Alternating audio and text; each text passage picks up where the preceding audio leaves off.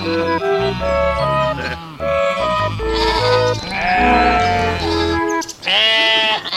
Einar! Hej på dig Anna! Och välkomna alla lyssnare till Fårpodden om att skaffa får del 3. Vi har ju en gammal podd som vi gjorde i början av vår poddkarriär som handlar om att skaffa får och den är väldigt lyssnad. Den är i särklass mest lyssnad av alla våra poddar. Och eh, för inte mer än några dagar sedan så kom en uppföljare till den, Skaffa får del 2, som handlar om att välja ras och att eh, hitta livdjur. Men eh, vi har mer att prata om som gäller att skaffa får, eller hur? Ja, det här ämnet är ju så stort så att eh, vi bestämde oss för att göra två poddar för att få plats med allting. Så i, i, idag så eh, ska vi prata om hur man gör rent praktiskt eh, när man ska köpa sina får. Vad behöver man fixa med och dona med? Och sen ska vi prata om hälsa och smittskydd som ju är någonting som alla måste tänka på när man köper får och flyttar får. Ja, idag är det tillbaka till skolbänken. Det här är inget inspirationsavsnitt utan det är, det är punktlistor och saker man ska tänka på. Men vi gör det här i all välmening för att eh, det är viktigt att komma igång på ett bra sätt med friska djur. Då blir det så väldigt mycket roligare att ha får. Ja, vi tycker att det, ibland kanske det blir lite tungt men det här är helt enkelt bra att veta saker när man ska skaffa får. Och gör man saker rätt från början precis som du sa så, så blir det så mycket roligare. Vi sen. har eh, punktat upp listan från eh, det inslag som ni ska höra här nu allra först med Einar och Titti. Så den finns på hemsidan i anslutning till eh, länkarna för den här podden. Mm, kan ni skriva ut och friska upp minnet lite. Men eh, vi behöver nog inte orda så mycket mer utan vi kör igång direkt. Då är det jag och Titti som slår våra kloka huvuden ihop och funderar på hur gör man egentligen när man skaffar får? Mm, vi lyssnar. När man ska börja med ett nytt djurslag så behöver man ju lite grovt förenklad information var man ska börja. Eh, och nu tänkte Einar och jag gå igenom lite grann i punktform, en förenklad steg för steglista som är bra att ha när man börjar med, med får. Mm. Vi vänder oss i första hand till människor som är intresserade av får men som egentligen inte har någon erfarenhet. Och då tänker man liksom, jaha, var börjar man? I vilken ände börjar man när man vill skaffa får? Mm. Och eh, den första punkten vi tänkte ta upp det är det här bestäm produktionsmodell. Och då är det bra att du eh, i första hand utgår ifrån ditt intresse. Och är det till exempel köttproduktion och köttkvalitet du är intresserad av, då tycker vi att du ska satsa på köttraserna som Texel, Saff och eh, Dorper eller andra, eh, eller korsningar med de här köttrasinblandningarna. Eh, eller är det så att du kanske vill göra en insats för att eh, bevara en fåras som är hotad? Ja, då är det renrasig avel av lantraserna, till exempel allmoge, finull och rya som, som gäller. Så att eh, försök att, att särskåda dig själv. Vad är du intresserad av? Eller det kanske är, är päls och skinn till exempel. Då är det ju gotlandsfår eller um, lästerfår som är aktuella. Mm. Alltså, vi har ju väldigt många olika fårraser i Sverige som eh, man kan göra med olika saker med. Så att eh, jag tycker det är viktigt att man inte bara köper samma får som grannen har utan att man funderar på vad, vad vill jag med min får, mitt mm. fårägande och så köper man rätt ras från början. Mm.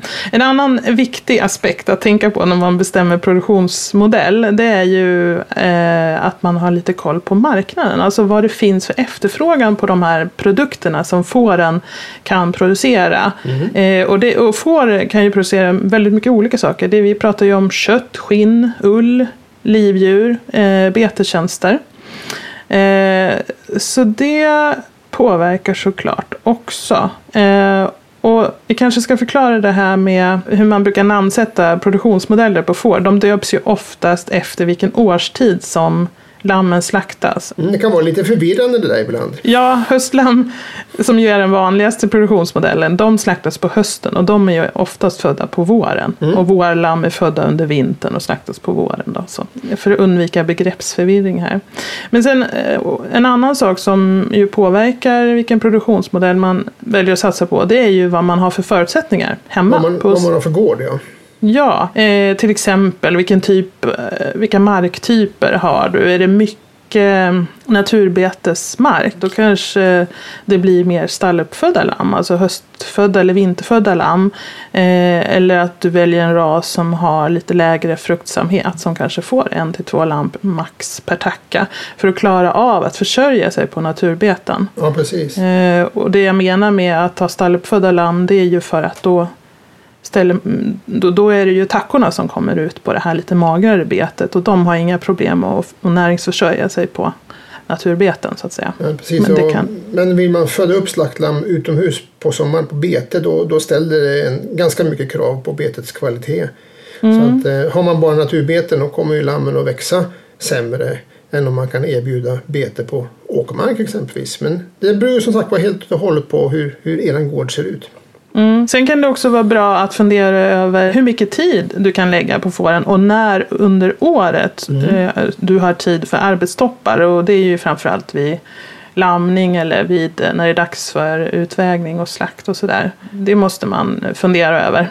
Ja, många, alltså vi kan säga att de allra flesta fårägare i Sverige de jobbar ju med något annat också. Det finns ju inte så många helprofessionella fårägare. Och, och då kan man ju nästan alltid hitta en produktionsmodell som kanske matchar det andra jobbet man har. Eh, det finns ju många som jobbar mycket på somrarna men har mindre jobb på vintern. Då kan det ju vara läge att lamma på vintern och föda upp lamm på stall.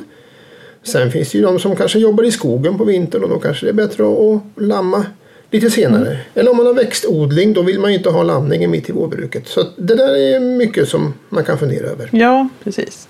Eh, och har man stora byggnader med möjlighet till rationell skötsel och utfodring då kanske det borgar för vårlamsproduktion, alltså ställa upp födda lamm. Så att, eh, fundera över dina förutsättningar på gården hemma.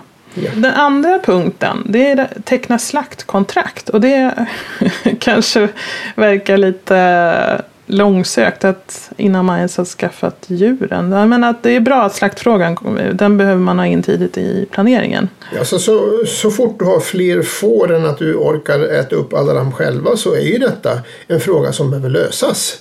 Vad gör vi av de slaktfärdiga lammen? För all, alla, lamm, alla, alla får oavsett ras ger ju slaktlamm. Ja, precis. Eh, och det blir utslagsdjur som man vill ta hand om och så. För vi har ju pratat om att tackköttet eh, är ju på uppgång så att säga. Ja, det har vi pratat om i en tidigare poddavsnitt. Eh, Så vissa tidpunkter på året så är det ju fler lamm till slakt än vad slakterierna har kapacitet för och då kan det ju bli kö. Så därför är det viktigt att ha in det här tidigt i planeringen så att man inte blir stående med lamm som man inte får slaktat då. Ta en koll på var finns eh, slakterierna i din närhet och det finns, eh, om man inte har koll själv så finns det en lista på Livsmedelsverkets hemsida med godkända slakterier.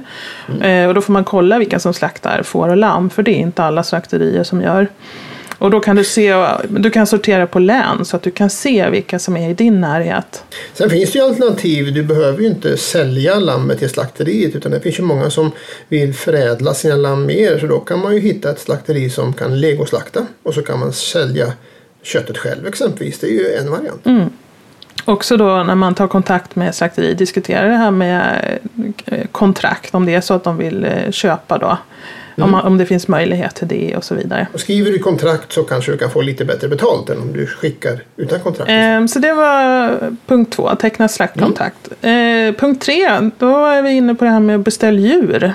Det här med rasval är ju en vanlig fråga. Vilken ras ska jag välja? Och det har ju du och Birgit Fag eh, diskuterat. Rådgivare Jajamän. Birgit Fag. Mm. Jajamän. Eh, då är det frågan var, var får man tag på de här djuren? Rasföreningarna, de olika rasföreningarna eh, har ju livdjurslistor, ofta på deras hemsidor. Och eh, alla föreningar finns listade på Fåravsförbundets hemsida. Så där kan man gå in och titta via. Och ett, eh, en annan bra försäljningssida av får är ju marknadsplatsen på elitlam.com. Det är en bra annonsplats. Ofta seriösa annonser. För det finns ju faktiskt, eh, det, vi har Blocket och så vidare. Men det är ju inget som vi brukar rekommendera att folk köper får på Blocket, eller hur? Nej, det tycker jag inte. Eh, där kan man sälja begagnade grejer men inte, inte eh, får.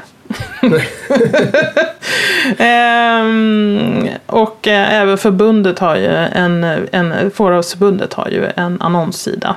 Eh, Ja. Där det kan finnas eh, en del annonser. Men den mest använda tror jag ändå är elitland.com. marknadsplatsen. Och när vi är inne på det här med livdjur, alltså avelsdjur, eller mm, då, då är det viktigt att tänka på hälsostatusen. Och det har ju jag och Emily pratat om i en intervju.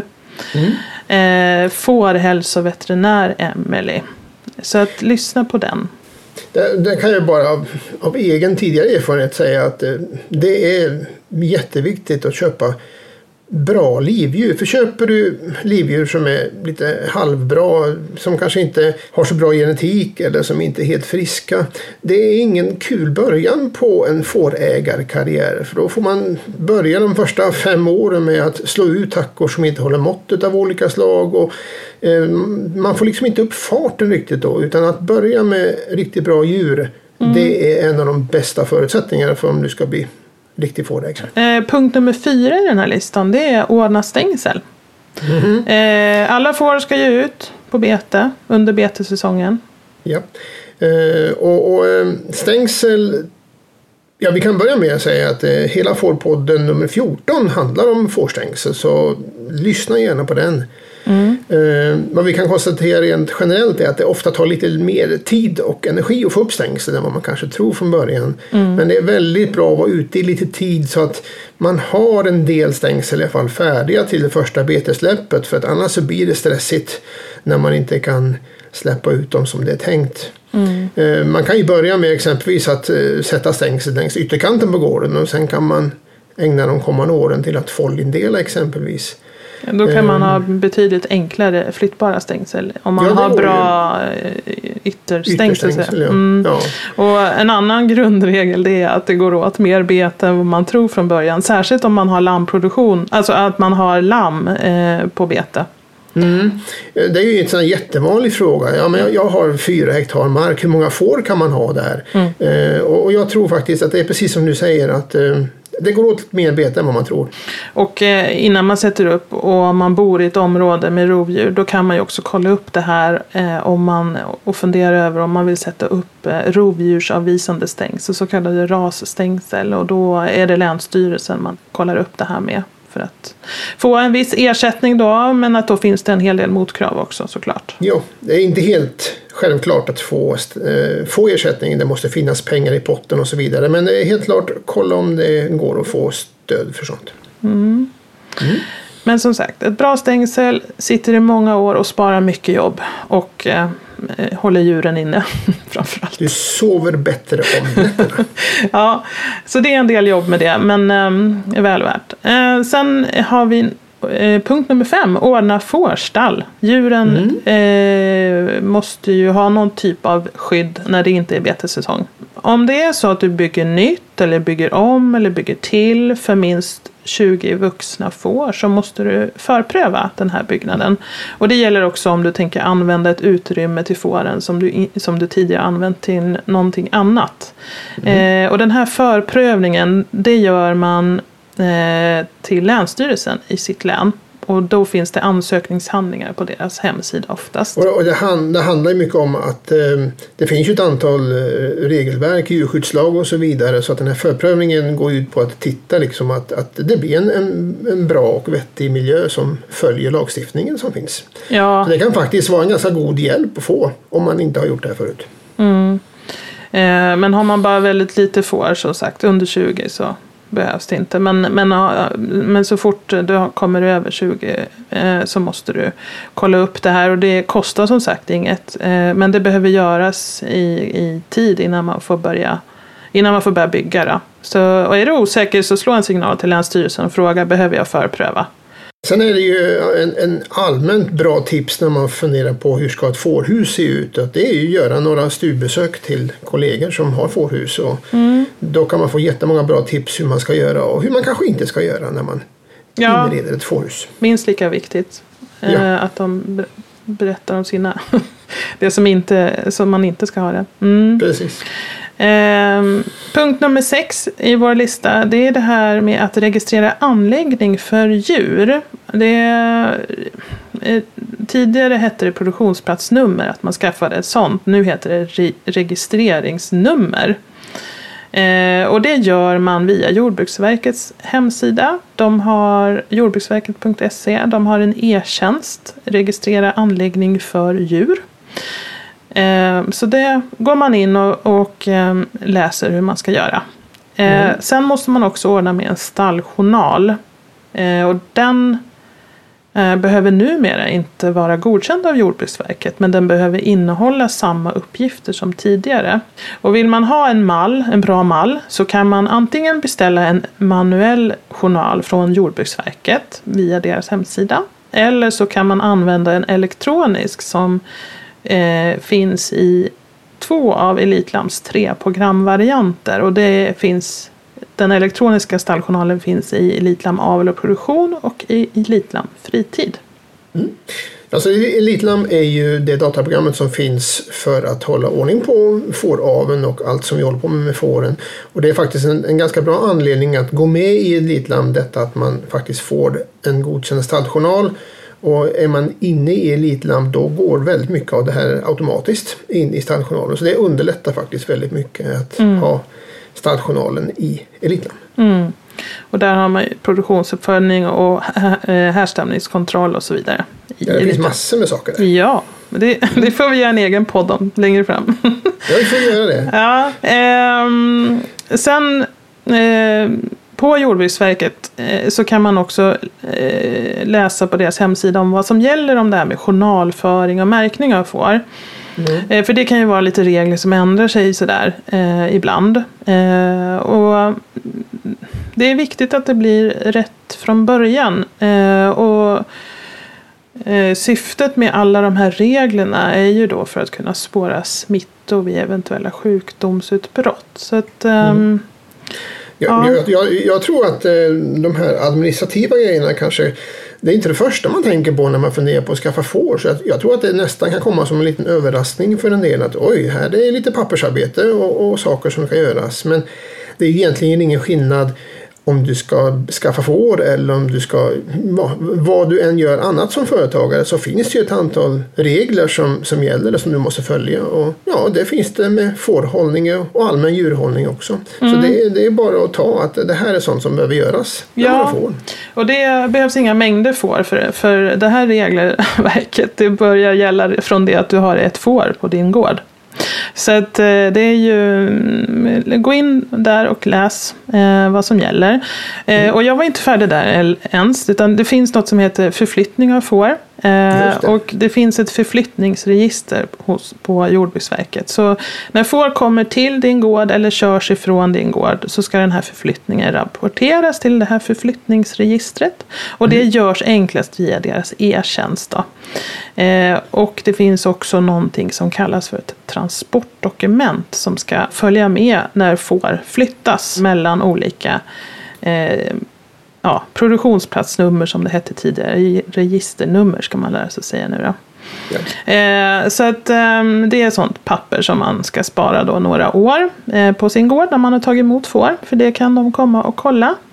Punkt nummer sju eh, handlar om att handlar om foder. Det ska finnas hö eller ensilage och strö, oftast halm. Mm. Om man vill odla sitt foder själv, vilket är vanligt, då får man ju se till att ha gjort en vallinsådd året innan om det inte finns på gården. Eh, så att man har något att skörda så att det är färdigt. Eh, och har man ett litet antal får, då är det ju hö som gäller. För om man inte har någon väldigt liten press så kan jag väldigt små ensilagebalar. Ja, det är ju eh. så att en ensilagebal när man öppnar den så börjar den att förstöras. Och eh, har du färre än typ 20 tacker så hinner de kanske inte äta upp det här ensilaget innan det blir dåligt. Mm. Så att eh, har du färre än 15-20 tacker då är det hö som gäller. Men mm. har du fler så kan man ju välja. Mm. Eh, ja, och punkt nummer åtta. Hämta djuren. Och grattis! Oh, ja, grattis till fårägandet! ja, så så enkelt är det. Men eh, jag tänkte också det här när vi under det första fåråret som man ska snurra med sina nya får mm. så är det ju eh, bra att eh, verkligen skaffa sig de här viktiga kontakterna som man behöver som fårägare. Och då Det jag kommer på när jag tänker det är ju dels att man behöver ha kontakt med en fårkunnig veterinär. Det kan ju antingen vara någon att man har distriktsveterinär med lite med extra fårintresse eller veterinärerna på gård och djurhälsan. Mm, de är jättebra. Mm. Och sen behöver man kanske en fårklippare om man inte lär sig själv och klipper. Eh, be- viktig kontakt. Eh, sen en, en fårkunnig kollega, någon mentor eller en rådgivare som kan det här med utfodring, lamning, eh, managementfrågor, ja, men liksom skötselfrågor. Eh, är bra att ha vid sin sida. Så man kan fråga när man behöver. Sen också kontakt med maskinstation eller om man har bondekollegor som kan hjälpa till om man behöver leja in maskinkörslor. Alltså vid vall, eh, när man ska bärga vallfoder eller om man behöver hjälp vid utgödsling och så vidare. Mm, mm. Eh, och sen också en tillförselperson på slakteriet. Den som man kontaktar när det är dags att eh, slaktanmäla lamm eller kanske fixa kontrakt och så vidare. Mm, mm. Har jag du brukar något alltid mer? Säga, ja, jag brukar alltid säga att, eh, att skaffa sig en mentor, det är nästan det viktigaste av allting. Att ha någon som man kan ringa klockan halv tolv på natt på kvällen när man har ett felläge. Och det kan bli ganska stressigt som nybörjare och då känns det otroligt tryggt att ha någon någon kunnig person som man kan ringa. Eh, Jag vet bland annat så Gotlandsfårsföreningen rekommenderar att de som säljer livdjur till en nystartad besättning erbjuder sig själva att bli mentorer. Vilket jag tycker är en jättebra idé. Eh, Annars så att brukar jag säga att en av de största fördelarna med att bli medlem i Fåravelsförbundet det är att man lär känna ett antal kollegor i närområdet. Om man går på någon kurskväll eller någon eh, fältvandring eller någonting sånt där. Och då lär man känna duktiga grannar som man kan knyta kontakt med. Och det där är, ja, det är jätteviktigt för en nystartad fårägare. Jag talar här helt av egen erfarenhet också. Jag har haft eh, några stycken riktigt duktiga mentorer. De har betytt oerhört mycket för mig. Mm, sant. Ja. Eh, och också att man kan bolla med framförallt att man får lite styrka från dem och att de kan peppa en. Ja, För det, man möter motgångar när man börjar med får, det bara är så. Man vet inte när de där skoven kommer men helt plötsligt så är man i ett sånt. Och då kan man behöva någon och liksom luta sig lite mot som säger att det kan vara så här ibland. Det kommer Ja. att gå bättre. Det är ju levande djur vi jobbar med och det kan hända tusen saker och det går ju inte alltid som på räls. Utan det kan gå dåligt någon gång också och då gäller det att man inte tappar sugen utan att man har någon som kan klappa en på axeln och säga att ja, men Ja. Nu, vi, nu har vi lärt oss det här, nu blir det bättre nästa år. Mm, precis. Eh, om vi ska... Ska vi summera det här Einar? Jag ska Eh, knyta ihop det hela lite grann. Mm, jag, eh, jag river av några punkter här. Eh, råd till nystartare. Eh, börja gärna med befintliga tillgångar. Eh, Mm. Har vi pratat om. Det är ju en av fördelarna med att skaffa får att man kan börja i liten skala. Eh, känna sig för om det här är någonting för mig, om det här var kul. Och eh, sen kan man ju öka ut vartefter och det kan man ju inte riktigt göra med många andra djurslag inom lantbruket utan då är det ju fullt ös direkt. Men eh, det är en fördel med fåren att man kan, man kan smygstarta lite grann. Lär dig om djurslaget. Lär dig om får. Mm. Eh, och då tänker jag inte eh, kanske framförallt på att man ska läsa sig till, utan det handlar om det här med djuröga, det man kallar för djuröga, alltså hur man hanterar fåren rent praktiskt. Eh, och då kan det ju vara bra om man har någon fårgård i närheten så man kan fråga om man kan få vara med, till exempel vid såna här arbetstoppar när man behöver hjälp. Det kan vara vid mönstring, det kan vara vid klippning. Ja, men när man hanterar eh, många djur på en gång. Att man får hjälpa, sig, hjälpa till att fösa och att man liksom, ja men hur funkar får? hur får man dem att gå framåt? Hur håller man ett får? Och hur, vad blir de rädda för? Eller vad blir de lugna av? Och så vidare. Ja, och jag tror att den grannen är tacksam för lite hjälp också så det, det, det hjälper man varandra, det tror jag absolut. Ja. Eh, köp in bra djurmaterial. Mm, det har vi pratat om. Utropstecken. Ja, utropstecken. Investera lite och klokt till en början. Mm. Man behöver inte köpa de värsta grejerna från början utan man kan börja lite Nej. försiktigt. Precis. Um, anpassa produktionsformen efter ditt intresse och gårdens förutsättningar. Mm, det pratade vi om i början. Mm. Titta på hur andra har gjort som har liknande förutsättningar och intresse och våga fråga. Mm. Och på studiebesök, det är jättebra. Mm. Eh, skaffa dig en mentor slash rådgivare. Mm, inget mer att tillägga där heller. Tänk på arbetsmiljön. Men hur tänker du då? Ja, jag eh, vurmar ju för att även människan ska må bra, inte bara fåren. Så att, eh, eh, ofta på fårgårdar där man kanske tänker det här med att man ska ha lite investeringar och så vidare. Så går man där och knegar och lyfter och bär Eh, och det funkar kanske bra i några år eh, att lyfta väldigt mycket. Men till slut så känner man i kroppen. Och man, tanken är ju att man ska ha får många år. Så det är ju synd mm. om man sliter ut sig när man stängslar eller lyfter foder eller vad det är nu man gör för monotont utan att tänka ja, på det. Eller man försöker gödsla ut en ströbädd med, med grep. Det gör man inte längre kan jag ja. säga. Utan planera för att använda någon maskinell hjälp till det. Ja, så var lite rädd om det och tänk på det från början. Hur du kan underlätta ja. för dig själv för det kommer att bli roligare i längden. Eh, och sen också det sista då, ignorera inte administrationen. Vad heter det? Registernummer, journalföring, märkning och så vidare. Det vi har pratat om. Men gör man allting rätt då, då är det ju jättekul att ha får. Ja, precis. Då är det bara att njuta. Då är det bara att njuta. ja, det var det. Det var det. Mm. Alltså, det, jag hoppas att vi har lyckats eh, inspirera några till att våga ta mm. steget. Mm. Lycka, jag hoppas det. Ja, lycka till. En sak som jag fastnade för här nu, det var något ni sa på slutet. Investera klokt. Vad betyder det? Ja, alltså när man ska skaffa får så är det ju en massa saker man behöver skaffa sig. Kan man tycka, men som vi sa också det att man kan ju börja med får ändå lite försiktigt. Och då kan man fundera på vad är liksom det första man ska investera i när man skaffar får. Eh, och ja, en av sakerna är ju självklart att man behöver stängsel till sina djur.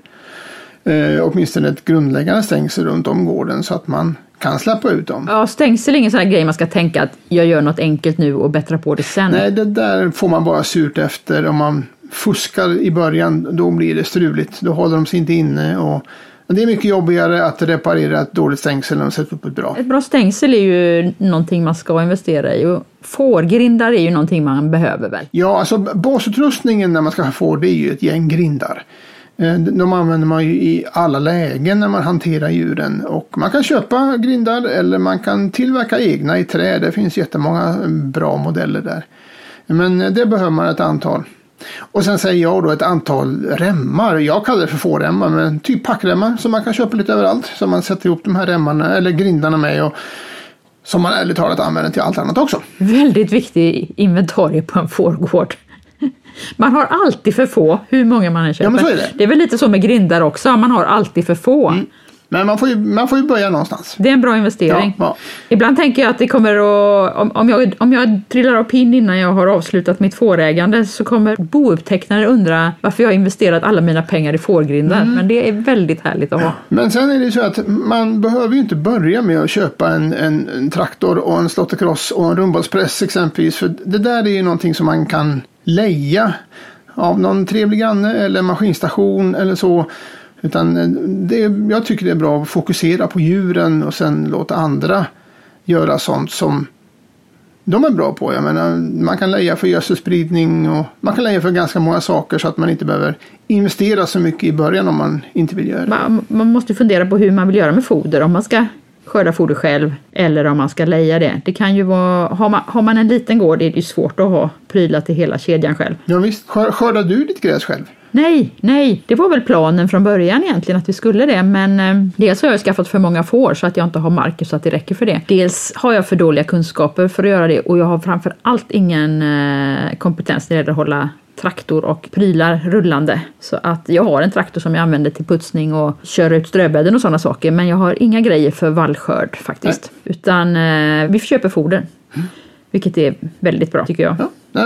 Man kan göra som det passar en bäst. För min del så tycker att det absolut bästa med att vara bonde är just det att jag får göra allting själv. Ja, men det är lite sådär. Man, man har ju olika fokus beroende på vad man är Ja, intresserad men det är av. ju så. Jag sår in vallen och sen får man skörda och se hur det blev och reparera rummatspressen när den kraschar och sådana saker. Alltså det, just att man får göra allting, det tycker jag är det roliga med att vara fårbonde. Ja, problemet med de där prylarna som hänger efter traktorn är ju att de går ju alltid sönder när det är bråttom och saker måste bli klara. De går ju inte sönder när de står i maskinhallen, så är det ju faktiskt. Nej, men är man intresserad av det så är det ju såklart roligt att hålla på med det också. Apropå prylar förresten så funderar jag på vad, vad har du med dig i fickan när du åker runt och kollar får på sommaren? Ja, eh, jag för det första har jag med min vallhund då. Vi har ju några vallhundar på gården. Eh, det är en fantastisk hjälp om man tycker det är kul med hund. Om man eh, fixar och träna upp dem och så vidare. Så att eh, den eller de är nästan alltid med. Sen i fickan så har jag alltid ett par handskar. Jag har en morakniv och jag har en avbitartång. För att eh, där vi bor där har det gått nötkreatur i tio generationer innan oss och det ligger gömd taggtråd lite överallt och rätt som det är så kommer man ut och så är det någon tacka som släpar på en bit tråd som har fastnat i ullen och då är en vallhund och en morakniv och en avbitartång väldigt bra att ha. Så det, det brukar jag ha i fickan. Vad, har du med dig när du är ute till dina djur då? Eh, jag har ingen vallhund, jag har betfår. Jag ger mina djur på, på betet eh, en liten slatt betfår varje dag och det gör ju att de är väldigt pigga på att träffa mig och då kan jag också ta fast om det är någon som behöver kollas. Och jag har alltid en fårrem i fickan för den sätter jag runt halsen då på den som ska tas fast. Eh, Och jag kan även göra så att om jag vet att imorgon kommer jag vilja ta eh, ett par stycken som jag ska köra hem eller så, då, då sätter jag remmar på dem dagen innan. Så vet jag vilka det är och det är lätt att ta dem. Eh, Jag har också en kniv, en knipex ifall man behöver knipsa av någonting. Ja, Jag har strömkollarprylen, ja just för jag det. har elstängsel. Just det. Jag har också i min ryggsäck eh, mastittest och eh, febertermometer. Även om jag inte använt dem på väldigt länge så ligger de där. För om man inte har med sig dem så kan man tänka sig att de kanske behövs. Det, det har, vi har haft problem med det i början, de första åren med att vi fick mastiter ibland sent på sommaren när djuren gick på bete. Och då är det jäkligt bråttom, då måste man kolla direkt om det är någon som inte verkar riktigt som hon ska. Ja, det. Så det har jag nästan alltid med mig också. Ja, det är ju så, det, det är ju väldigt många besättningar som inte har vallhund men att mata in dem så att de blir handtama det är ju det sättet man har för att kunna hantera fåren på ett bra sätt. Och det går ju bra. Ja, nej, det, funkar, det funkar jättebra och då får de lite mineraler också Ja. varje dag. Så att det tycker jag. Jag, jag, vill, jag vill prata med dem varje dag. Jag har ju inte fler än, än att det funkar. Men eh, ja, du pratar om mastit eh, och eh, hälsa på fåren. Nu går vi in till nästa avdelning. Och det är Titti som har pratat med Emily Larsdotter på Gård och djurhälsan. Hon är fårhälsoveterinär och kan allt om får. Eh, och det blir ett ganska rejält inslag. Och vi har gjort så här att vi har delat upp det här inslaget på tre. Eh, det första avsnittet eh, handlar om vad man ska ställa för frågor när man tar den första kontakten med en eventuell besättning där man vill köpa sina djur. Och nästa del det är vad man gör när man åker dit och tittar på djuren och bildar sin uppfattning om dem. Och sen det sista avsnittet, vad gör jag när jag kommer hem med mina nya djur och står där på gårdsplan. Vi tar, det, vi tar det i tre delar helt enkelt och börjar med första delen om att ringa till säljaren och ställa smarta frågor. Ja, det gör vi. Nu har jag med mig Emily som arbetar som fårhälsoveterinär på Gård och djurhälsan. Välkommen! Tack så mycket. Du har superkoll på det här med hälsofrågor och, som man ska ställa när man köper får. Ja, det är Eh. det viktigaste, de viktigaste frågorna eh, Ja. som man egentligen eh, har att ställa som fårägare. Det är när man köper in sina första djur. Mm. Så jag tänkte att vi skulle krympa dig Emily så att du, du blir en mini-Emily och sätta på axeln på en blivande fårägare. Så att då eh, skulle det vara intressant att eh, få din hjälp och höra vilka frågor skulle du viska in i örat på den här personen eh, när eh, hen eh, ringer upp en säljare som säljer, ja men vi låtsas att vi ska köpa våra första tacklam och kanske någon packa. Vad är det första jag ska fråga just när det kommer till de här hälsofrågorna? Mm. Då kommer jag att koncentrera mig just på, på hälsofrågor. Sen hoppas jag att eh, den här då blivande fårägaren har eh, läst på om får allmänt innan eh, och kanske även hört sig för om en fårmentor så att grunden till fårskötsel är så att säga i alla fall lite teoretiskt lagd. Mm. Så att jag koncentrerar mig på just sådana här smittskyddsfrågor och då vill jag att den här eh, köparen då ska börja med att fråga om besättningen är ansluten till Medivissna-programmet. Mm. Och vilken status eh, besättningen har. Medivissna eh, är en allvarlig sjukdom som eh, vi har haft länge i Sverige och vi har haft ett kontrollprogram, Medivissna-kontrollen, i nästan 30 år.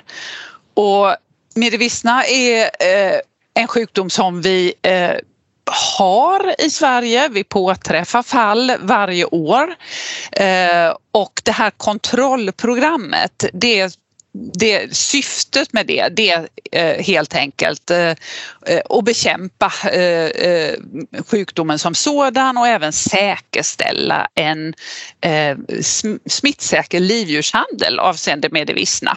Mm. Så då vill man att besättningen förhoppningsvis svarar, ja men jag är medifri eller jag har MV3-status som är egentligen samma sak.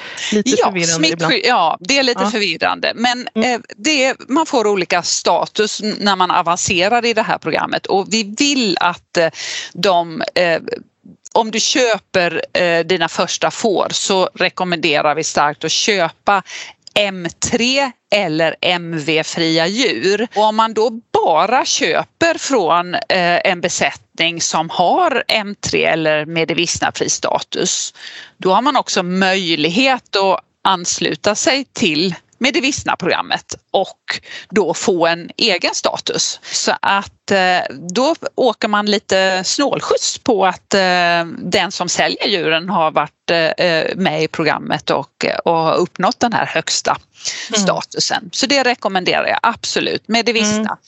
Och då gäller det att, den, att de inte träffar några andra får som inte är anslutna under tiden innan Precis. man ansluter sig. Så att Precis. om man har får hemma av okänd status redan så... Det är jätteviktigt eh, att man ja. bara har mm. eh, då eller börjar med eh, M3 MV-fria djur. Vi kanske ska tillägga Emelie, jag vet ju att ni har gjort en sån här ehm, tagit fram en, ett dokument som kallas för hälsodeklaration tillsammans Precis. med Svenska Fåravelsförbundet. Precis och den finns ju både på Fåravelsförbundets hemsida och på Gård och djurhälsans hemsida eh, och jag tror även på lammproducenternas hemsida och den kan man faktiskt ladda ner och ha som ett litet manus när man då ringer till eh, den här säljaren av djuren och då är faktiskt som av en händelse fråga om eh, besättningen är ansluten till Medivissna-kontrollen faktiskt första frågan i det här formuläret. Mm. Och med, om man har fått in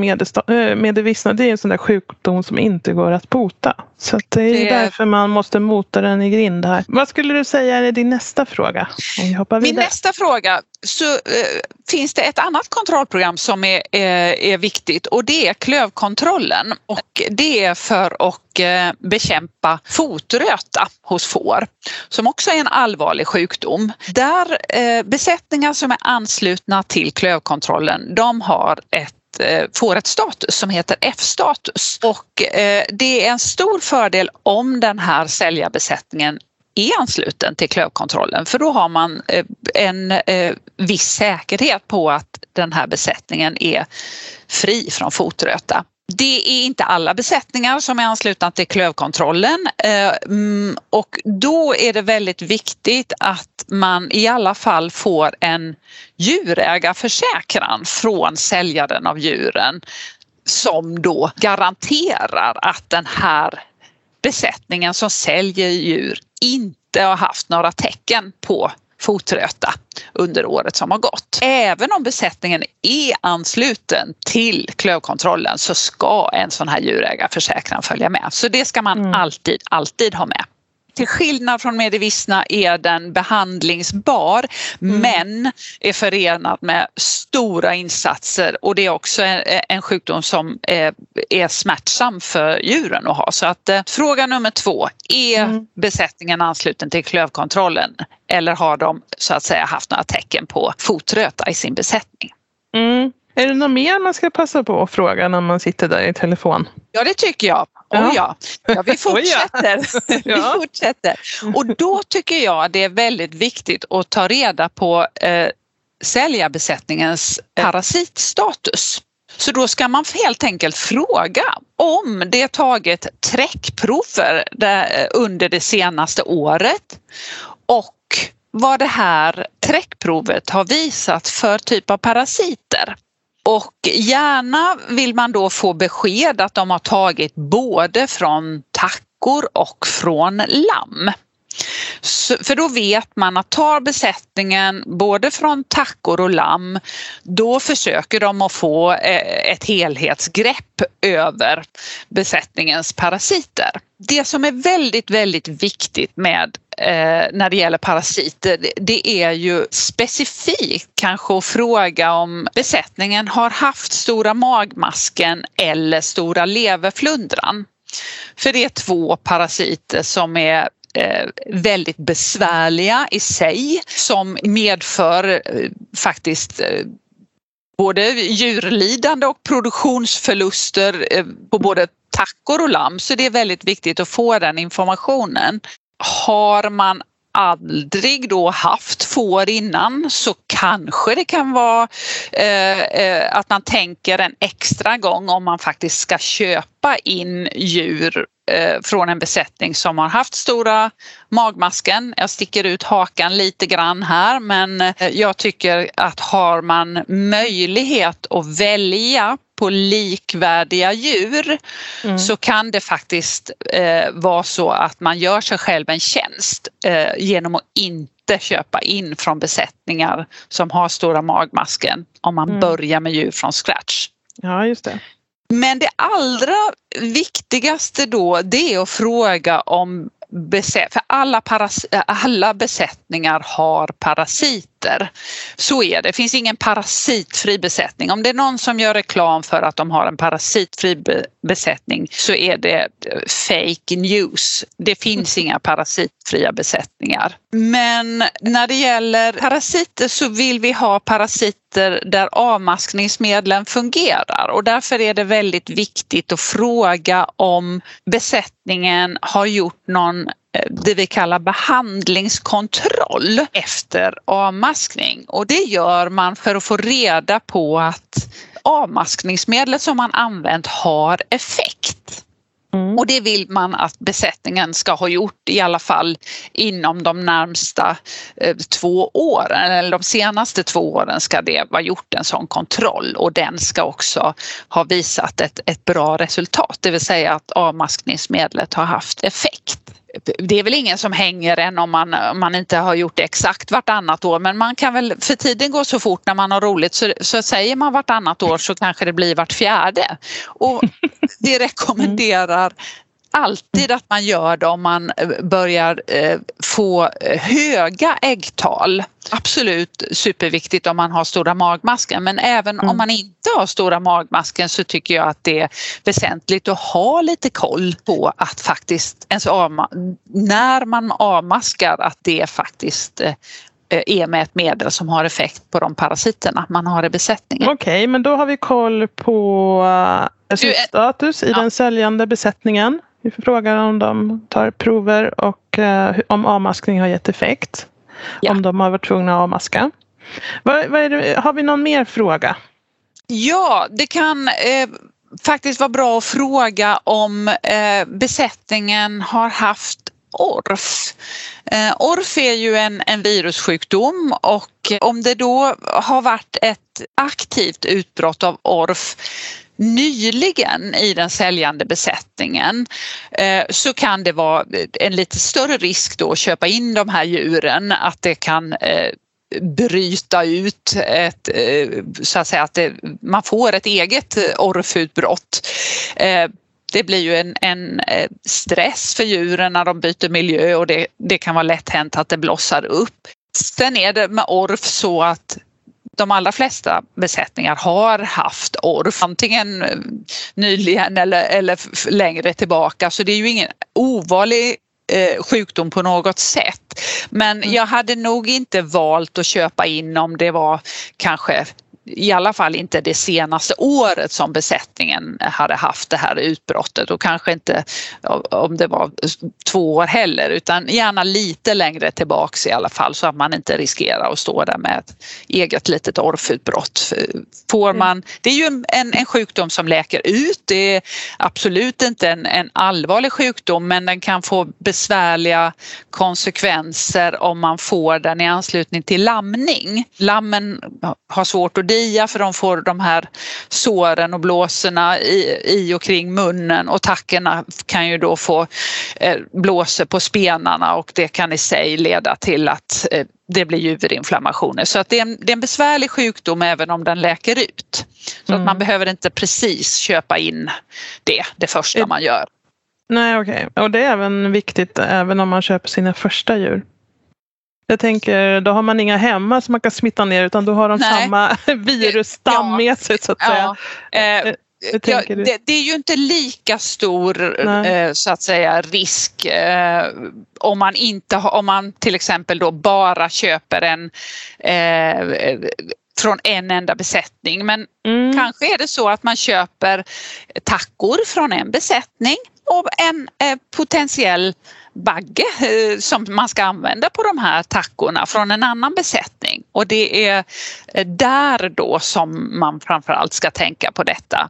Mm. Köper man bara några djur och har som gräsklippare eller för att hålla betesmarker öppna eller så, eh, så, så är det ju inte riktigt lika viktigt då. Nej, just ORF-frågan. Men de andra Nej, tre? Absolut, de andra fortfarande. Mm. Det är bara ORF nu. Ja. ja, precis. Nu har jag noterat här fyra punkter, frågor. Mm. Och sen är det Ja, man kan, man kan naturligtvis fråga om uh, löss. Uh, det, mm. ju, uh, det kan vara bra att veta också. Sen, sen kan man ju faktiskt behandla förebyggande mot löss i, i karantänen där så att uh, den mm. är väl inte lika viktig men den, den är med på hälsodeklarationen så varför inte ställa frågan? Mm, precis. Jag tänkte på det där som Titti sa om att eh, köpa några tacklam och kanske någon tacka. Eh, där skulle jag vilja inflika att jag och det bestämdaste rekommenderar att man får med ett äldre djur när man köper tacklam. För att de kan vara de kan bli väldigt skygga och vilda och stolliga om de är själva. De behöver en äldre tacka som eh, håller ordning på dem. Det är i alla fall min erfarenhet. Ja, det är ett jättebra tips. Eh, en äldre tacka i en flock med tacklam ger en helt annan stabilitet i flocken. Eh, så att om man har möjlighet att få med en äldre tacka så är det jättebra. Mm, rekommenderas. Ja. Einar, jag vet inte, lovade inte du i förra avsnittet att du skulle berätta om hur det var när, när ni hade problem med Medivisna? Ja, som i, den första punkten man skulle fråga om här det är ju om man är med i Medivisna-programmet. Och jag kan bara eh, vittna om hur, hur viktigt det är. Vi, vi tog ju över en större besättning som jag och min far hade haft tidigare.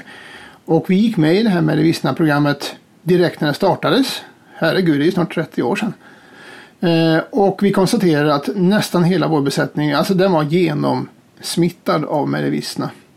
Och, och vad Medivissna gör, alltså ofta ser man inte direkta tecken utan det är först när de blir riktigt dåliga som man ser att de börjar magra av och hosta och så vidare. Men även långt innan man ser de här tecknen så får man en massa följdverkningar i besättningen med tackor som magrar av, som inte mjölkar ordentligt, man får mer mastiter och så vidare. Men det är väldigt dolt.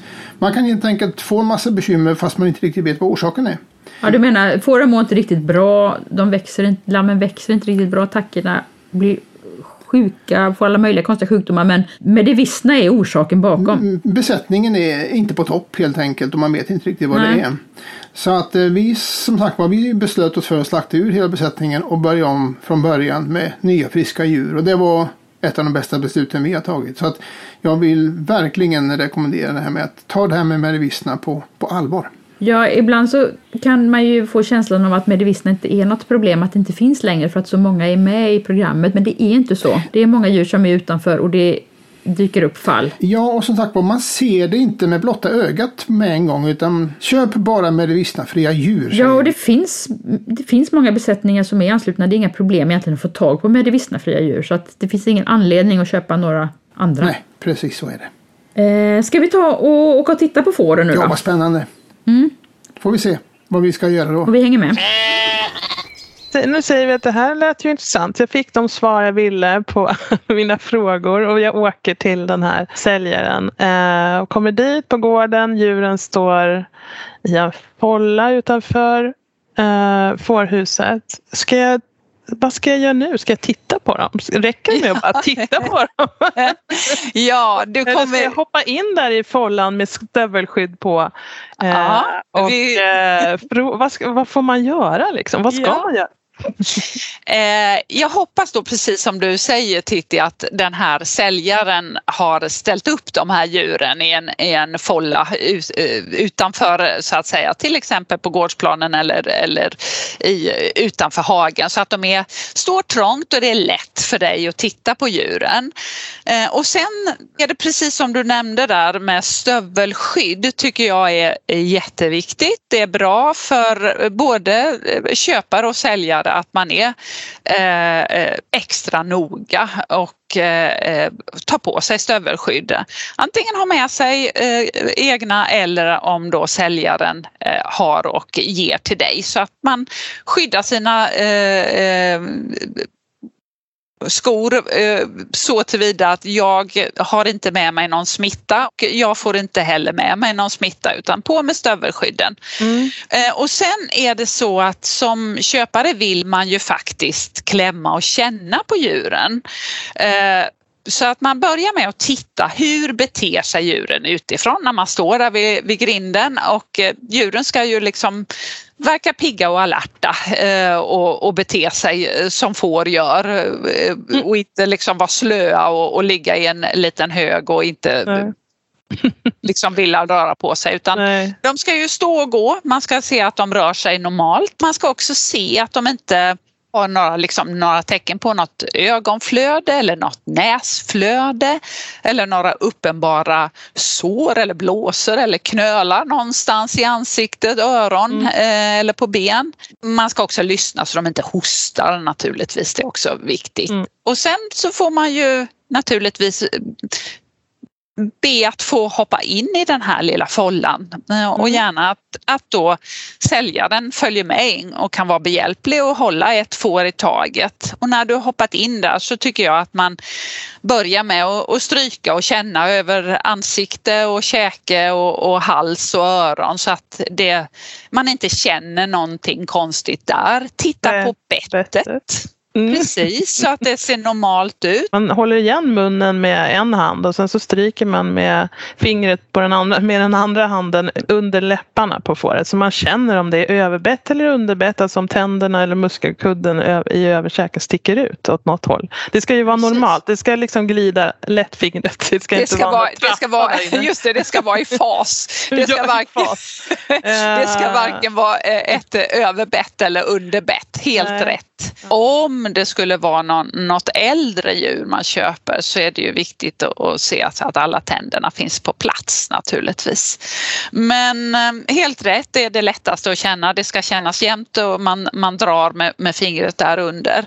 Eh, och sen eh, så tycker jag att man kan eh, då inspektera djur och det är ju äldre tackor vi pratar om där. Är det tacklamm så ska det ju inte vara någonting men känn åtminstone över djuret eh, och som sagt, även om det är tacklamm så kan man ju stryka med handen däremellan. Känna på, på juver och spenar. Och en äldre tacka jätteviktigt så att det känns mjukt och fint. Eh, och är det en bagge då du ska köpa så ska du känna på testiklarna. Och de ska vara eh, så att säga jämnstora, det ska vara rejäla doningar. En bagge har ordentliga testiklar och de ska kännas ja, typ som en trevlig biceps. Ja. Så att det ska vara lite stuns i dem och mm. de ska också gå föra helt enkelt. Håller man om, om pungen så ska det, de liksom, ja, vi säger att de ska vara lätt förskjutbara, det vill säga att de ska inte vara fastvuxna på något sätt i, i, pung, i, i pungsäcken. Då. Sen det är ju aldrig fel om man, om man tittar på, eh, alltså sätter baggen på, på rumpan och inspekterar penisen. Men eh, det kanske är eh, överkurs men det har man möjlighet att, att göra det och, vet hur man ska göra för att få fram den. För det är som sagt, kalsongerna är ju på så man måste mm. faktiskt plocka av dem för att kunna titta på penisen. Så är det bra att göra det. Sen mm. kommer vi till Mm, ett mycket viktigt moment och det är att inspektera eh, klövarna på djuren. Och det och som sagt oavsett det, alla djuren eh, ska inspekteras på alla benen. Och man ska börja med att titta så att bara när djuret står naturligtvis att klövarna ser normala ut i sin form. Och sen ska man ju vara noga med att titta sitta i kronranden och det är där hud möter horn på liksom eh, klöven runt om framsida och, och, och, mot baksida så att säga i den här kanten. Gärna lyfta på pälsen där och se att det inte finns några sår eller eh, eh vulstiga förändringar. Eh, man ska eh, även dela på, lyfta upp och dela på klövhalvorna och inspektera klövspalten. Mm. Och den ska vara behårad. Man ska inte se att det är rött någonstans och det ska eh, inte vara tecken på att det är något eh, smetigt eller luktar illa eller så utan se torrt och fint och hårigt ut kan man säga. Mm. Precis, eh, så man får gå runt djuren och lyfta på fötterna alternativt så kan man få hjälp att sätta dem av säljaren och då kan man titta på alla fyra när de sitter det är det lättaste i vädret. Sättet att titta. Mm. Mm. Så att, ehm, ja men eh, det är jättebra. Eh, och är det äldre djur så kan man också känna på hullet tycker jag. Att man känner över, över bakre delen av ryggen där sadeln är som man säger. Absolut. Eh, att det känns, eh, man ska inte känna, det ska inte kännas för benigt. Det ska kännas lagom runt. Men om man känner sig nöjd där eh, med man har fått ett bra intryck av djuren, det är grönt ljus, man har fått sin kopia på medieintyget. Titta på datumet ja. där, att det är fortfarande giltigt. Väldigt, väldigt viktigt. Ja, och sen ja, djurägarförsäkran avseende frihet från fotrött alternativt en kopia på F-statusbeviset, eh, det här klövkontrollen vi pratar om som kallas för Ja, och djurägarförsäkringen ska ju ändå alltid följa med. Ja, ja om de kan lämna det. Eh, och Precis. vi vill ju att ni köper från sådana som kan lämna djurägarförsäkringen. Absolut. Eh, för det är alltid en sån bra början. Ja, det där var ju lite spännande. Nu, nu är vi ju snart fårägare på riktigt. Men jag tänkte på, eh, Titti och Emelie pratade om det här med att det är viktigt att kolla tänderna på en tacka. Och det där kan ju kanske vara lite osäkert för en nybörjare. Hur ser det egentligen ut i munnen på en tacka? Eh, och då kan vi börja med att säga att de, de bakre tänderna i bak i, i munnen på ett får så har de ju sina kindtänder som de idisslar maten med. Och de tänderna är jättesvåra att kontrollera. De ser man nästan inte. Utan de tänderna man ser när man tittar i fram på mulen på fåren, det är ju framtänderna. Och då kan vi ju förtydliga med att säga att får har alltså bara tänder i nederkäken i fram. För i överkäken har de en, en hård muskelkudde som de här tänderna i nederkäken går emot. Och det är den som de använder när de knipsar av gräset och, och betar av gräset. Ja, de är tandlösa i överkäken så man behöver inte bli förskräckt när man upptäcker det. Det är helt normalt. Och sen kan man väl också säga att eh, stoppa inte in fingrarna för att känna på de där tänderna längre bak. För det kan göra väldigt det ont. Det kan göra väldigt ont, ja. Men eh, man ser också om det är något fel på tänderna så syns det ganska tydligt för då har de en, en glugg i tandraden eller så är det någon tand som står rätt ut eller så. Eh, så att eh, man tittar att allting ser snyggt och prydligt ut och precis som som de också nämnde att eh, kolla att inte tänderna sitter för långt fram eller för långt bak för då passar den inte riktigt ihop med den här muskelkudden och då kan de inte beta ordentligt och det är det som är det viktigaste med ett får. En annan sak jag funderar på det är ju varför är det så viktigt att kolla alla klövar på alla djur? Det blir väldigt många klövar att kolla om, om man ska köpa lite fler får. Alltså det låter ju omständigt men det är vettigt att göra det steget för dels så fotröta är en riktig skitsjukdom om man får in i besättningen. Men sen har vi också fått en ny eh, klövsjukdom i Sverige som heter CODD eller COD. Eh, det är en sjukdom som inte går att bota när man får den. Så har man fått in KOD i sin besättning då är det slakt som gäller. Eh, så därför så är det bra att vara noga när man tittar. Men sen kan man nämna också att eh, fotröta och kod då tittar man ju på lite olika ställen på klöven. Eh, men kolla klövarna ordentligt så allting ser bra ut. Det, det är bra att ta sig den tiden. Ja, friska klövar är väldigt viktigt för att djuren ska må bra. Får som haltar, de funkar inte. Det, så enkelt är det. Nej, och den här kodden sätter sig ju gärna runt det är därför man ska inspektera gränsen mellan klövhornet och den håriga delen på foten väldigt noga. För det är där, det är där den börjar som sår. Men då så, eh, då lastar vi på fåren på hästtransporten och åker hemåt. Frågan är hur gör vi när vi kommer hem till gården? Säg att vi är nöjda med det vi ser och det vi har um, ja, det vi har fått med oss och vi lastar dem här och vi kör hem dem. Eh, tacklammen. Vi landar på gårdsplan hemma. Mm. Och vad gör ska, vi nu? Ja, ja. Har jag, nu har jag förberett. Jag har faktiskt handlat hem innan. Har jag hamnat hem. För jag ska klövbada dem har jag hört. Och då Absolut. får man köpa eh, zinksulfat. Det är helt rätt. Ja. För det eh, är ju så här, och det har vi inte sagt Titti, att dokument och frågelåda i all ära, men när vi väl kommer hem då har vi ju det här oerhört viktiga som heter karantän. Eh, och inga dokument i världen ersätter ju den här karantänen. Eh, så att det är A och O och precis som du säger, du har eh, då eh, läs på innan vad du ska eh, ha förberett med. Och det är zinksulfat och det beställer man ju från Svenska köttföretagens webbshop. Mm. Man kan eh, köpa bara ett kilo och sen så blandar man det i 10 liter vatten till en 10 i lösning.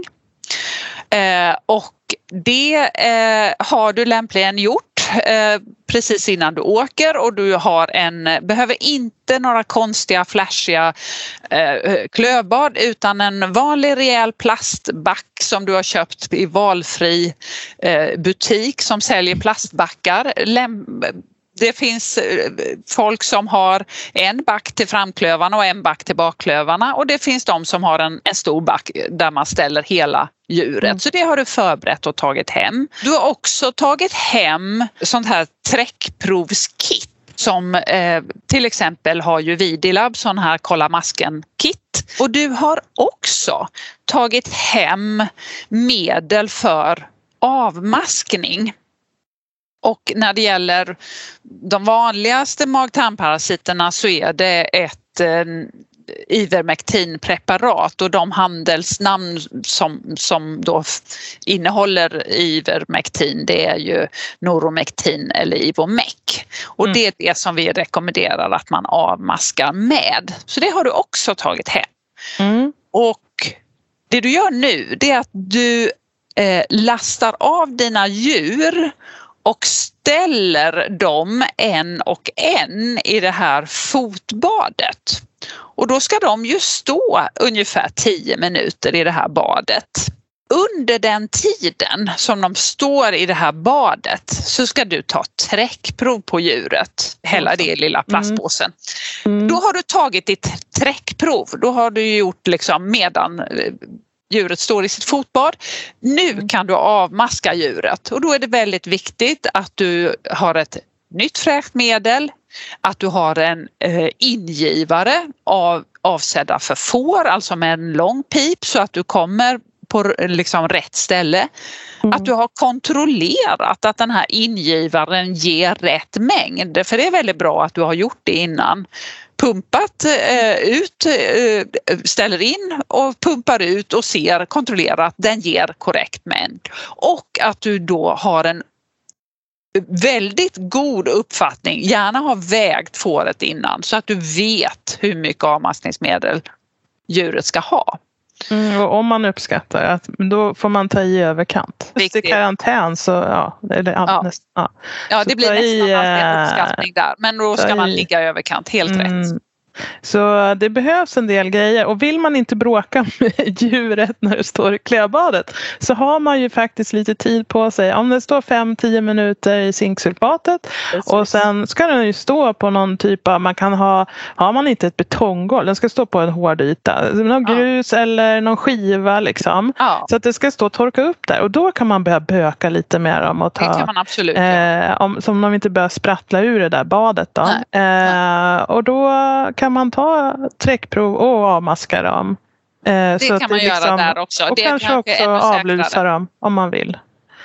Eh, Ja, avlusa är också bra att göra lite grann så att säga för säkerhets skull. Det är lättare att avlusa ett djur i karantänen och göra det i, eh, på en hel besättning sen om, man har, om det Mm. visar sig att man har köpt in löss. Eh, och, och det vi inte nämnde här tror jag, eh, det här med att beställa om räckprov ifrån Kolla masken till exempel, Videolab eller SVA. Att man, man eh, beställer en behandlingskontroll. Precis. För det, behandlingskontroll det, det gör man 7 till 14 dagar efter sen man har gjort den här avmaskningen. Då gör vi en ny kontroll i form av att man tar ett träckprov på det här djuret man har köpt in och skickar in för att se eh, vilken effekt avmaskningen har haft och då vill vi ju att det här ska vara eh, helt nollat som vi kallar. Det ska inte finnas några påvisbara parasiter kvar.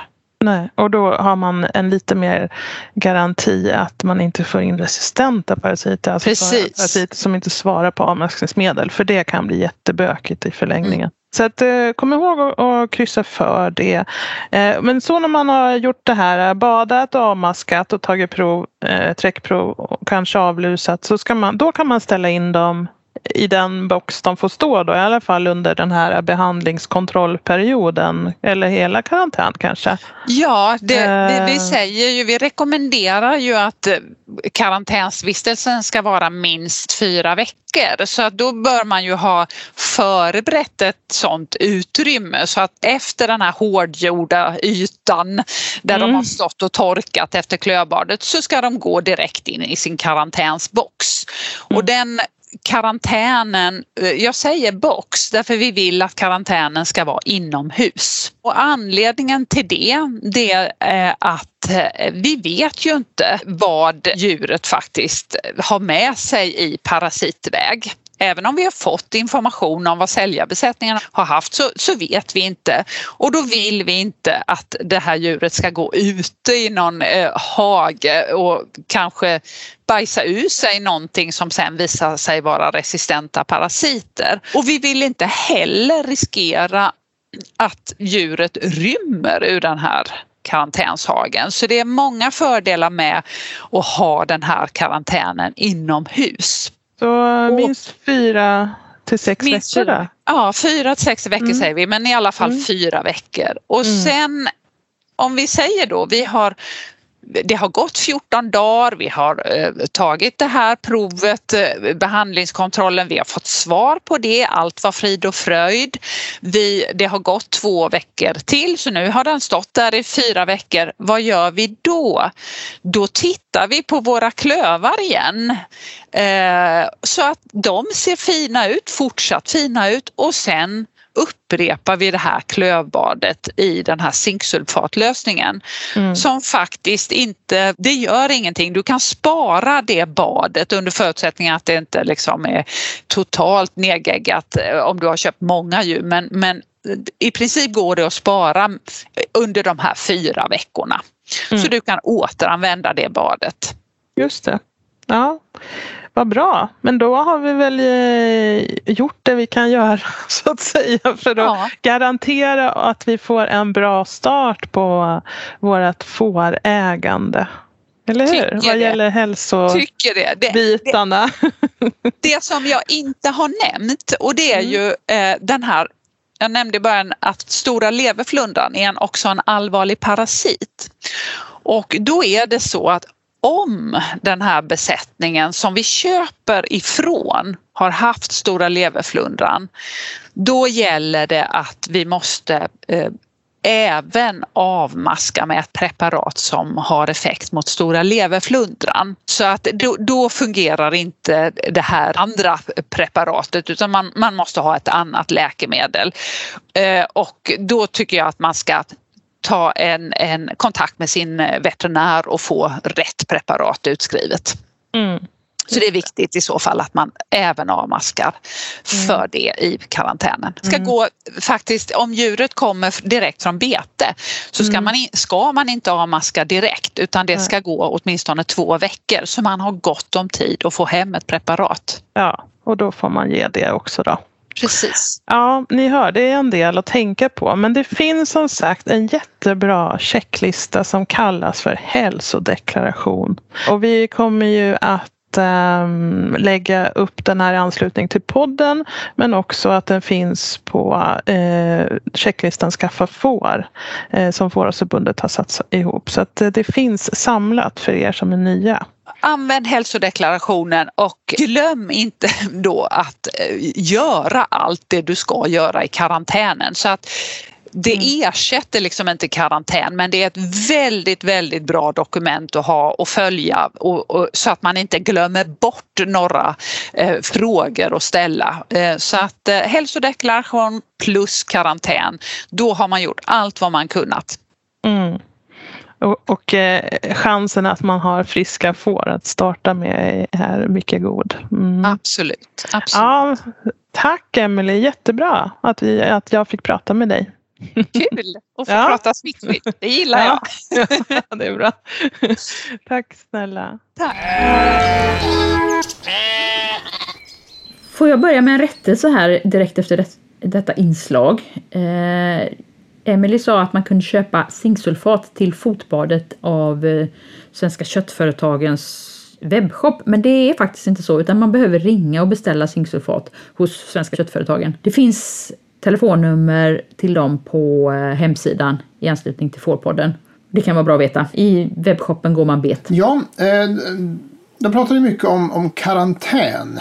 Eh, och eh, ja, varför är det så viktigt att sätta dem i karantän tycker du? Ja, man kan ju tänka att när man kommer hem med sina första får så finns det ju inget som de kan smitta. Så så karantän kanske inte behövs. Då, då ska man tänka på sin gård, sina marker framförallt som eh, skyddsvärda. Man vill inte skräpa ner dem med några parasiter till exempel eller eventuella fotbaciller då, innan man är säker på att man har eh, kommit igenom karantän mm, helt enkelt. Mm, mm. Att avmaskningen har fungerat, att det inte finns några parasiter kvar. Ja, så är det. Avmaska djuren, vänta 7 till 14 dagar och ta ett nytt träckprov så man ser att avmaskningen verkligen har, har tagit helt enkelt. Ja, och innan det ska inga djur ut på något gräs överhuvudtaget.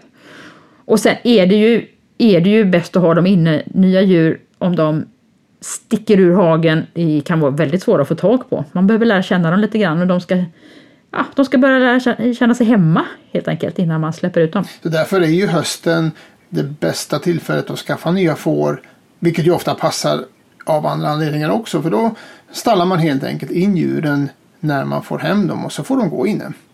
Eh, ja, sen har man hela vintern på sig att bli kompis med dem. Jajamän. det, är, det är det smidigaste sättet om man ska skaffa nya får. Man har ju helt, lite bättre kontroll på dem inomhus än vad man har ute på betet. Sen är ju det här karantänsförfarandet väldigt viktigt när man köper in djur längre fram också. När man, när man har sina får och man ska komplettera flocken med, med andra livdjur eller ny bagge kanske då är det jätteviktigt att man, att man eh, sköter det här med karantänen ordentligt så att man inte får in någonting som gör livet svårt för en. Och där kan det ju vara en, en bra idé om man exempelvis köper in en ny bagge. Då behöver han ju något slags sällskap i karantänen för får trivs ju inte med att gå själva. Så att har man något slaktbagglamm eller någon eh, kastrerad bagge på gården kanske så kan ju den vara ett bra sällskap i karantän.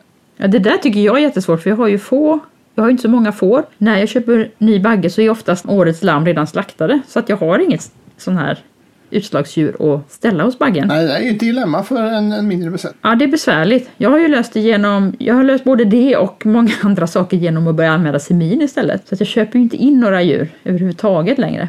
det kan jag rekommendera även för små besättningar. Om man tycker det verkar krångligt med karantän och de här smittskyddsrutinerna som man måste vara noga med för att skydda sina får.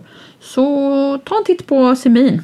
Det är ett jättebra råd eh, och det har vi pratat om i tidigare poddavsnitt så ni kan leta tillbaks lite grann och, och titta, lyssna på det poddavsnittet där vi pratar om just om Semin. Precis, det finns såklart en podd om Ja, det finns poddar om allting höll jag på att säga. Ja. Mm. Just det, skulle vi nämna också det här med eh, bidrag för extra djurvälfärd som man kan söka? Ja, man, det finns ju ett stöd man kan söka om man förbinder sig att göra lite mer än vad bara de grundläggande kraven i djurskyddslagen är. Och som ersättning så kan man då få eh, lite stöd, lite ersättning för sina djur och det här är faktiskt ganska bra betalt om man tar sig det extra arbetet. Och eh, ett av kraven för att man ska kunna få det här stödet är just det att man har en, en riktig karantän till sina djur. Så att, eh, det är en bra anledning det också. Bara som ett tips för att få lite betalt för att man tar sig det här jobbet. Ja, vad tror du? Har vi eh, avskräckt eller inspirerat människor som vill skaffa får? Ja, vi får ju verkligen hoppas att vi inte har avskräckt någon. Eh, det är mycket att tänka på. Så är det ju ofta när man ska starta med något nytt. Mm. Så är det. Och det är, men det är bra att vara noggrann innan man köper sina första får. För de där fåren kommer kanske förändra ens liv ganska radikalt. Ja, de har ju en förmåga att göra det.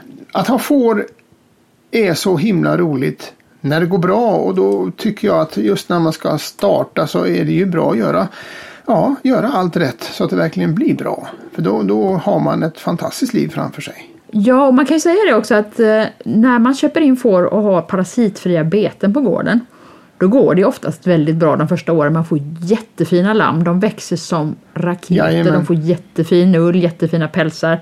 Det går jättebra. Och så har man köpt in bra djur då så kan man ju få en kanonstart. Det har jag märkt eh, flera gånger när vi har tagit över nya marker som bara har varit betade med nötkreatur tidigare. Att första sommaren är alltid jättebra. Ja. och där ser man ju verkligen hur mycket parasiterna gör i vår produktion. Ja, Vad är det som är så bra och roligt med att ha får? det är ju väldigt trevliga djur. Och de håller snyggt också runt gården. De eh, omvandlar ju gräs till kött och ull och skinn. Man äter som en kung när man har får. Mm. Och man kan tjäna pengar på att sälja köttet och ullen och skinnen. Har man mjölkfår så, så äter man som en gud, brukar jag säga. Ja, ja, du har ju erfarenhet av det. Så om, man har, om, en kung, om, om de kungliga, kungliga spisen inte duger så får man skaffa mjölkfår. Ja, men framförallt så är de ju väldigt trevliga. Ja, de är ju det. Det är någon som har sagt att får är pacifister. De vill ingen ont. De vill inget illa. Utan de är bara snälla och tillfreds med allting. Och eh, de eh, bits inte och de sparkas inte och de luktar inte illa. Så att det, det är egentligen bara fördelar med får. Sen är det ju så också att det är inte bara det att de kan omvandla gräs som vi människor inte kan använda på något vettigt vis till en massa nyttiga saker. För det som kommer ut i bak det kan vi använda och gödsla andra mat med så att, så att det växer bättre. Så att fåren är ju bra i alla ändar liksom. Du menar det svarta guldet? Ja, precis. Ja, och sen får man ju nya kompisar också när man skaffar får. Man engagerar sig lite i fårföreningslivet så träffar man ju jättetrevliga människor. Ja, vi säger så här, gå med i Fåravelsförbundet säger vi. Eh, det är kanonbra. Dels så får ni en himla bra tidning, säger tillfälligtvis jag.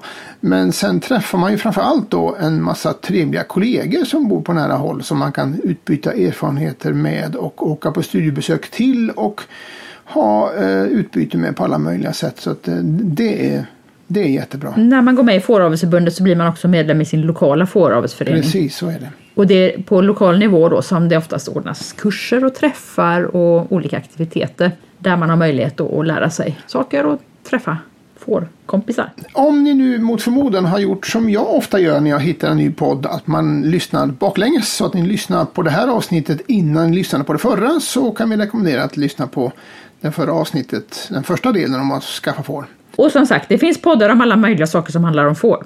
Det, här är program nummer 21, så det finns 20 till. Men vi får runda av den här gången Einar. Det var så nyss vi sände sist så att eh, det har väl inte hänt så mycket på gården sen i tisdags eller? Det tror jag inte.